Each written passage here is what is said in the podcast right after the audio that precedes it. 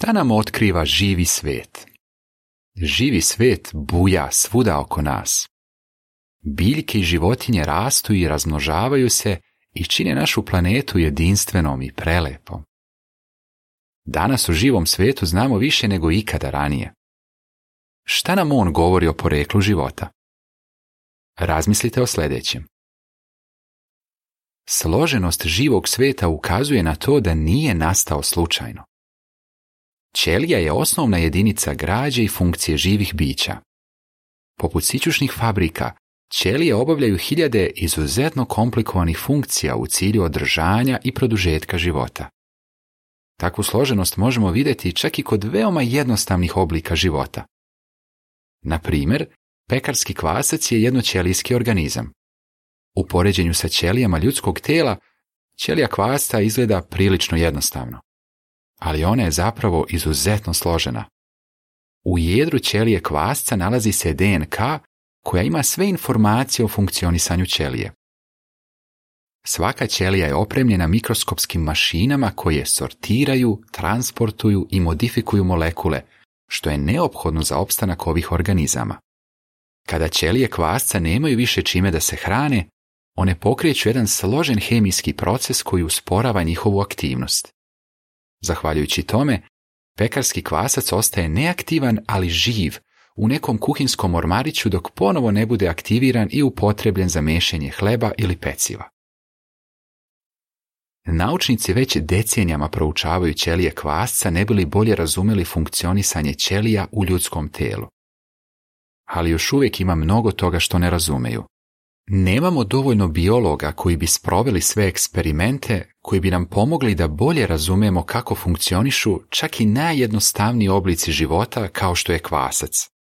Kaže Ross King, profesor veštačke inteligencije na Tehnološkom univerzitetu Chalmers u Švedskoj. Šta vi mislite? Da li je zapanjujuća složenost obične ćelije kvasca rezultat neke slučajnosti? Da li je ćelija kvasca mogla nastati ni iz čega? Život proističe samo iz života. DNK je sačinjena od molekula koji se nazivaju nukleotidi. Svaka ljudska ćelija ima 3,2 milijarde nukleotida. Oni formiraju specifičan kod koji ćelijama govori kako da stvaraju enzime i proteine.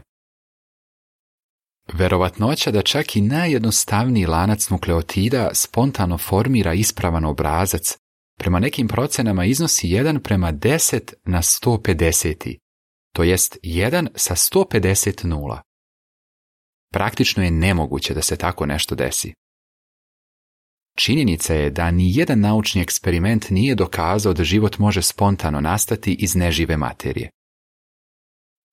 Ljudski život je nešto jedinstveno. Mi kao ljudi posjedujemo osobine zahvaljujući kojima možemo uživati u životu kao ni jedna druga vrsta. Mi smo kreativna, društvena bića koja izražavaju svoja osjećanja.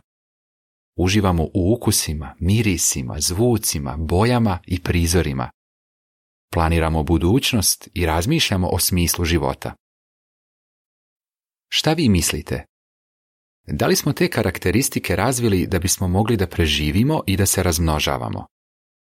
Ili one možda ukazuju na to da je život dar od stvoritelja koji nas voli.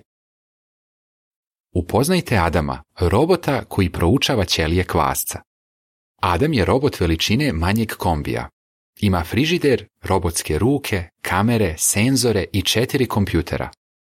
Ova složena mašina bez pomoći ljudi izvodi komplikovane eksperimente na ćelijama kvasca.